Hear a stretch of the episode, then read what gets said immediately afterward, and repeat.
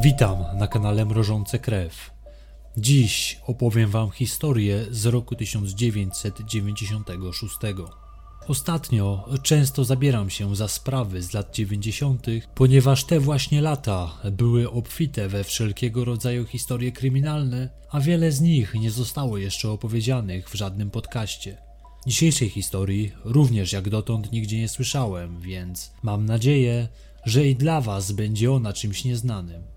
Zawód listonosza od zawsze niósł ze sobą spore ryzyko. Już pomijając fakt, że nie cieszą się oni zbytnią sympatią ze strony psów, które w najlepszym przypadku na nich naszczekają, a w gorszym mogą próbować ich pogryźć. Prócz niebezpieczeństw ze strony zwierząt domowych, muszą mieć też na względzie, że również ludzie mogą stanowić dla nich zagrożenie. W końcu listonosz musi każdego dnia odwiedzać setki domów, w których nigdy nie ma 100% pewności, że spotka się z przyjaznym nastawieniem.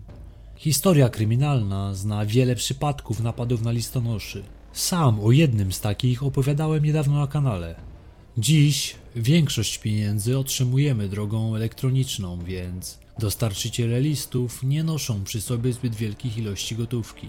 Mimo to nadal nie brakuje śmiałków, którzy liczą na szybki zarobek i zdarzają się napady na tle rabunkowym na listonoszy właśnie. Jednak jeszcze kilkanaście czy kilkadziesiąt lat wcześniej gotówka, jaką przy sobie nosili, była znacznie pokaźniejsza. W tamtym okresie listonosze nie mieli łatwej pracy. Połowa lat 90. to czasy, gdy konta osobiste zaczęły się dopiero pojawiać. Listonosze więc dostarczali nie tylko emerytury czy renty, ale także pieniądze pochodzące z innych przekazów. W swoich torbach wozili często bardzo pokaźne kwoty. Wszelkiej maści bandyci szybko to zauważyli. Napady na listonoszy zaczęły się mnożyć. Zwykle jednak kończyło się na wyrwaniu torby. Czasami dochodziło do tego pobicie. Do zabójstw nie dochodziło na szczęście aż tak często, by każdy ubiegając się o posadę listonosza musiał liczyć się z zagrożeniem własnego życia.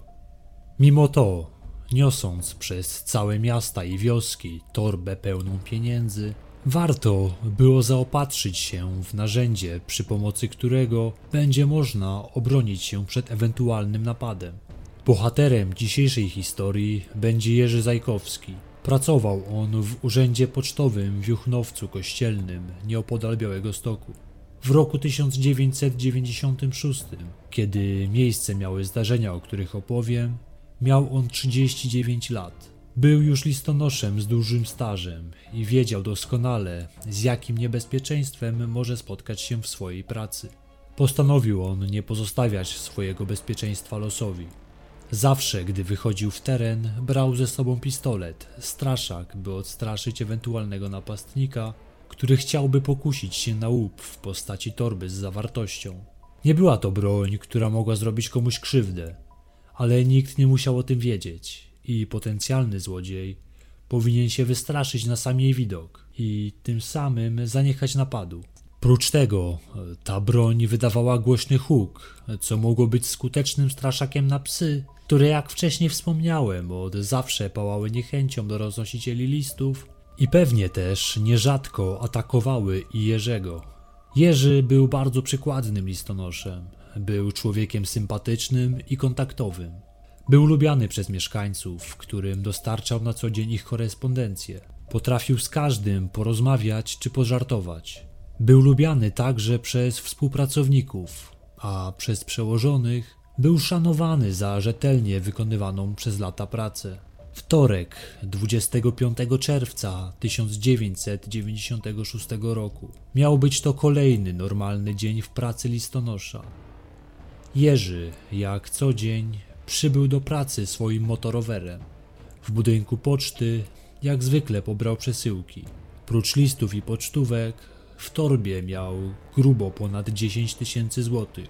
Najprawdopodobniej było to nawet około 12 tysięcy. Kto żył w latach 90., wie, jak duże były to pieniądze. Ciężko jest je porównać do dzisiejszej wartości, gdy wypłaty są znacznie wyższe niż na końcu XX wieku.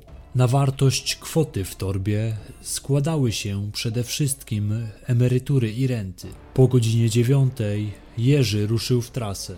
Dziś listonosze jeżdżą samochodami, jednak w latach 90. najczęściej poruszali się na motorowerach. Tak samo było w przypadku Jerzego. Do pokonania miał standardową trasę. Ruszał z Juchnowca, potem udawał się do miejscowości Lewickie Kolonia, następnie do wsi Lewickie. Kolejnym przystankiem były Brończany. Stamtąd udawał się do wsi Koplany. Następnie wracał do punktu wyjścia, czyli do Juchnowca. Tym razem zdążył jedynie udać się do pierwszej wsi, którą miał w harmonogramie. Rozdał część z pieniędzy, które miał przy sobie i ruszył przez las w dalszą drogę w stronę kolejnego punktu na trasie. Niestety z tego lasu nigdy już nie wyjechał. Było około godziny 11, gdy na drodze Jerzego stanęli jego przyszli oprawcy. Zastawili mu drogę. Listonosz być może upadł, być może został staranowany. Sprawa już później potoczyła się niestety w najgorszym możliwym wariancie. Napastnicy mieli jasne intencje. Z całą pewnością nie chcieli jedynie unieszkodliwić swojej ofiary. Liczba oddanych strzałów i ich kierunek nie dają złudzeń. Ktoś strzelał, by zabić. Listonosz miał ranę postrzałową w okolicy oka. Miał też przebitą klatkę. Było sześć kul. Pięć z nich wyjęto z ciała. Szósta została w środku. Sprawcy poruszali się na pewno pojazdem. Na podstawie rozstawu osi ustalono, iż taki rozstaw pasuje do samochodu marki Polones. W tamtych czasach polonezy były dość popularne. Mimo wszystko był to ważny trop, który mógł pozwolić na punkt zaczepienia w śledztwie. Najważniejsze okazały się jednak zeznania okolicznych mieszkańców. Przez kilka dni widzieli oni krążący po terenie samochód, przypuszczalnie poloneza w ciemnym kolorze. W nim znajdowało się najprawdopodobniej trzech mężczyzn. Szukali najbardziej dogodnego miejsca na atak na listonosza oraz zapoznawali się z jego zwyczajami. Nie wiadomo jak długo to robili. Motorower, którym poruszał się Jerzy, został przeniesiony po wszystkim przez sprawców w krzaki, tak by nie rzucał się w oczy i tym samym nie przyspieszył rozpoczęcia pracy policji. Ważnym aspektem jest to, że motocykl musiał zostać przeniesiony przez dwie lub więcej osób. Nie ma śladów, które wskazywałyby na ciągnięcie go po ziemi. Sprawcy podnieśli maszynę i przełożyli w niewidoczne miejsce. Niemożliwe zrobić to w pojedynkę, zatem sprawców musiało być co najmniej dwóch. Około godziny 13 bawiące się nieopodal dzieci zauważyły leżące między drzewami ciało. Wkrótce na miejscu pojawili się lekarze oraz policjanci. Znaleziony mężczyzna nie żył jednak już od pewnego czasu. Na jakikolwiek ratunek było już za późno. Na miejscu pojawiło się mnóstwo policjantów. Ich działania były jednak chaotyczne. Ustalono, że wszystkie strzały padły z tej samej broni. Z pistoletu gazowego, który został przerobiony na broń ostrą. Rodzina zmarłego wspomina, że praca organów ścigania na miejscu zbrodni pozostawiała wiele do życzenia. Nie zabezpieczyli oni odpowiednio wszystkich śladów. Przeszukanie terenu, mimo wielu ludzi przy tym pracujących, również nie było najbardziej dokładne. Świadczyć o tym może fakt, że łuskę z pistoletu, z którego oddane zostały strzały, dzień po zbrodni na miejscu znalazł kolega Jerzego, a policjanci, mimo oględzin miejsca, przeoczyli ten szczegół. Policja i prokuratura rozpoczęły intensywne śledztwo. To była bardzo prestiżowa sprawa dla lokalnych organów ścigania. Po tym zabójstwie strach padł na wszystkich listonoszy w kraju. Zaczęły się debaty, co zrobić, by podobnych tragedii nie było w przyszłości. Niektórzy mówili o obowiązkowym wyposażeniu listonoszy w broń ostrą, inni o tym, żeby pieniądze dla ludzi woziły specjalne konwoje. Ze względu na koszty, żaden z tych pomysłów realny nie był.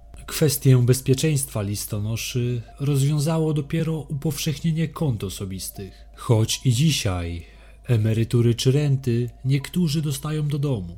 Ogólnokrajowe dyskusje na temat bezpieczeństwa listonoszy nie przybliżały śledczych do odpowiedzi na pytanie, kto z zimną krwią zamordował w okolicach Juchnowca Jerzego Zajkowskiego. Jedna z hipotez zakładała, że oprawcy na swoją ofiarę czekali w lesie.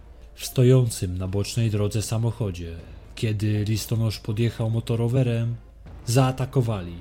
Sprawcy mogli zagrodzić drogę, wszak motorowery do astronomicznych prędkości się nie rozpędzały. Potem padły strzały. Listonosz zdążył być może wyciągnąć swój straszak, ale na nikim nie zrobiło to wrażenia. Policji udało się stworzyć portret pamięciowy krępego mężczyzny w wieku 25-30 lat z charakterystycznymi bliznami po ospie na twarzy. Krótko po zabójstwie w cieniu podejrzeń znalazł się 23-letni Janusz H., znany policji przestępca. Wychował się nieopodal miejsca zbrodni. Od dłuższego czasu mieszkał jednak w Białymstoku. W rodzinnych stronach bywał niezwykle rzadko. Przyjeżdżał do mamy, jak była renta. Posiedział parę dni i potem z powrotem pojechał. Był to człowiek, który budził postrach wśród okolicznych mieszkańców. Wszyscy się go bali i unikali z nim kontaktu. Wiedzieli, że może zrobić komuś krzywdę z byle powodu. W dniu zabójstwa jeden z mieszkańców okolicznych wsi widział Janusza w okolicy. To były bardzo mocne wskazówki ukierunkowujące pracę policji. W trakcie śledztwa okazało się, że tuż przed zabójstwem Janusz H. i jego koledzy wypożyczali w Białymstoku Poloneza. Takiego, jakiego ślady znaleziono na miejscu zbrodni. Mimo to przeciwko mężczyźnie nie udało się znaleźć żadnych twardych dowodów. Janusz H. nie został nawet zatrzymany. Brat Janusza twierdzi, że nie interesowały go takie akcje, gdzie w grę nie wchodziło kilkaset tysięcy. Skok na listonosza nie był dla niego interesujący, ponieważ nie posiadał on przy sobie aż tak dużej kwoty. Mnie osobiście tego typu zeznania nie bardzo przekonują. Skoro Janusz zbierał się tylko za skoki na dużą kasę, to czemu przyjeżdżał do mamy, gdy tylko pojawiła się jej renta? Moim zdaniem, brat próbował jedynie w bardzo nieudolny sposób odwrócić uwagę śledczych od Janusza. Jednak nigdy nie znaleziono dowodów, że mężczyzna ten faktycznie brał udział w napadzie. W sierpniu 1998 roku śledztwo w sprawie zabójstwa pana Jerzego zostało umorzone. W tym samym czasie, z takiej samej broni, w Polsce dokonano jednak kilku innych brutalnych zbrodni. W Siennicy została zastrzelona czteroosobowa rodzina. W Warszawie zginęły trzy osoby. Tam też był motyw rabunkowy. Mordercy do dziś pozostają nieuchwytni. Ani jednak to, ani nagroda w wysokości 15 tysięcy, która została ustanowiona przez dyrektora Poczty Polskiej w Białymstoku, ani emisja programu przez telewizyjne biuro śledcze nie doprowadziły do zatrzymania sprawców. Nie było nawet jakichś szczególnych wskazań. Jak zwykle na terenach przygranicznych analizowano wersje o sprawcach spoza Polski, lecz i tu nie było żadnych ustaleń. Pani Cecylia, żona zamordowanego, szukała pomocy u jasnowidza. Ten kazał przynieść do siebie ubranie, w którym chodził mąż. Warunkiem było to, by ubranie było niewyprane po ostatnim noszeniu. Niestety pani Cecylia nie miała takiej części odzieży małżonka. Część ubrań nie została oddana przez policję, ponieważ śledczy potrzebowali jej do prowadzenia śledztwa, a pozostałe w domu były już wyprane. Musiała wystarczyć zatem jasnowidzowi fotografia, którą przyniosła żona. Patrząc na fotografię, przedstawił przebieg wydarzeń. Prócz tego narysował portret zabójcy na kartce. Był to mężczyzna z zarostem i prawdopodobnie z blizną. Ten trop również do niczego nie doprowadził. Co ciekawe, żona Jerzego powiedziała, że zmienił on wtedy termin wypłacania emerytur. Tak naprawdę miał to zrobić dzień wcześniej, ale przesunął datę na kolejny dzień. W jaki sposób sprawcy mogli o tym wiedzieć? Czy ten fakt może wskazywać na to, że mężczyźni byli z okolicy lub mieli znajomości na poczcie? Trudno powiedzieć. Ktoś musiał poinformować ich, że tego dnia torba listonosza nie będzie wypełniona gotówką. Czy sam mężczyzna przeczuwał, że grozi mu niebezpieczeństwo? Mam nadzieję, że sprawcy odpowiedzą jeszcze za swoje czyny. Kilka lat po tragedii Pani Cecylia spotkała w sklepie jednego z mężczyzn, którzy w toku śledztwa byli brani pod uwagę jako potencjalni sprawcy zabójstwa. Mężczyzna ten intensywnie przyglądał się kobiecie. Pani Cecylia tak się przeraziła, że natychmiast opuściła sklep. Szwagier listonosza przekonuje, że wszyscy w okolicy mają swoją teorię co do tego, kto zabił. Są wręcz przekonani, że wiedzą, kto zabił. Jednak, jak to bywa w tak niewielkich wioskach, nastąpiła zmowa milczenia. Ludzie są zastraszeni i boją się o własne życie. Czy jest jeszcze szansa, że ktoś po latach postanowi głośno powiedzieć, co wie? Mam nadzieję. Do przedawnienia sprawy zostały jeszcze cztery lata. Jeżeli sprawcy mają ponieść konsekwencje swoich czynów, o ile jeszcze żyją, to w tym czasie musi się coś ruszyć w tej sprawie. W innym przypadku sprawa się przedawni i być może nigdy nie poznamy prawdy. Mam nadzieję, że znajdzie się ktoś, kto wysłucha tego podcastu i przypomni sobie o czymś lub zbierze się na odwagę, by po latach wyznać tajemnicę sprzed lat. Pamiętajmy, że rodzina pana Jerzego nadal czeka na prawdę. Bardzo ładnie zachowała się poczta zaraz po tragedii. Pani Cecylia po śmierci męża została sama z dwójką dzieci. Wtedy urząd pocztowy, w którym pracował Jerzy, zaproponował kobiecie, by zastąpiła ona go na tym stanowisku. Jednak dla świeżo upieczonej wdowy to było zbyt wiele. Musiałaby jeździć każdego dnia tą trasą, którą przez lata jeździł jej mąż. Musiałaby codziennie przejeżdżać w okolicy miejsca, gdzie został on zamordowany. Na pewno też z tyłu głowy był strach, że historia może się powtórzyć. Wtedy dzieci zostałyby same. Kobieta podziękowała i odrzuciła propozycję, choć później pracowała również na poczcie, tym razem w Białym Stoku, kilka kilometrów dalej. To już koniec tej historii. Pozostawia ona po sobie smutek, ale i niedosyt. Zginął dobry człowiek, wspaniały mąż, ojciec i pomocny kolega, sumienny pracownik. Zginął, bo w czyjejś głowie urodził się plan wzbogacenia kosztem czyjegoś życia. Działanie sprawców jest dla mnie odrażające. Nie była to kwota, która mogłaby zmienić ich życie. Musieli podzielić łup na kilku, najprawdopodobniej na trzech. Zgarniając tę sumę, co najwyżej mogli sobie pozwolić na względny luksus przez kilka tygodni. Na tyle wycenili ludzkie życie. Jak bardzo trzeba być zdegenerowanym, by od tak zabić? Tę kwestię pozostawiam wam do oceny. Czy musieli zabijać? Podejrzewam, że był to ktoś z okolicy, kogo Jerzy mógł rozpoznać. Zatem, zabijając, sprawcy chronili się przed konsekwencjami napadu. Niestety, okazało się być to skutecznym działaniem. Żal mi pana Jerzego, ale najbardziej żal jego rodziny. Podobno najbardziej jego śmierć przeżyła córka, która po latach nie potrafiła otrząsnąć się po stracie ojca. Wierzę, że doczekają się oni kiedyś sprawiedliwości. Pani Cecylia powiedziała w jednym z wywiadów, że nie pragnie zemsty. Pragnie prawdy, e, by została ona ujawniona i wszyscy wiedzieli, kto zamordował jej ukochanego męża. Dziękuję Wam za to, że jesteście ze mną. Jeżeli odcinek Was zaciekawił, to proszę o subskrybowanie kanału. W ten sposób będziecie mogli łatwiej trafić na kolejne odcinki, które pojawiają się na kanale co tydzień. Słuchać mnie możecie także na Spotify. Nastał czas świąteczny. Życzę Wam więc wszystkiego dobrego. Spędźcie te święta bezpiecznie. A tymczasem pozdrawiam i do usłyszenia wkrótce.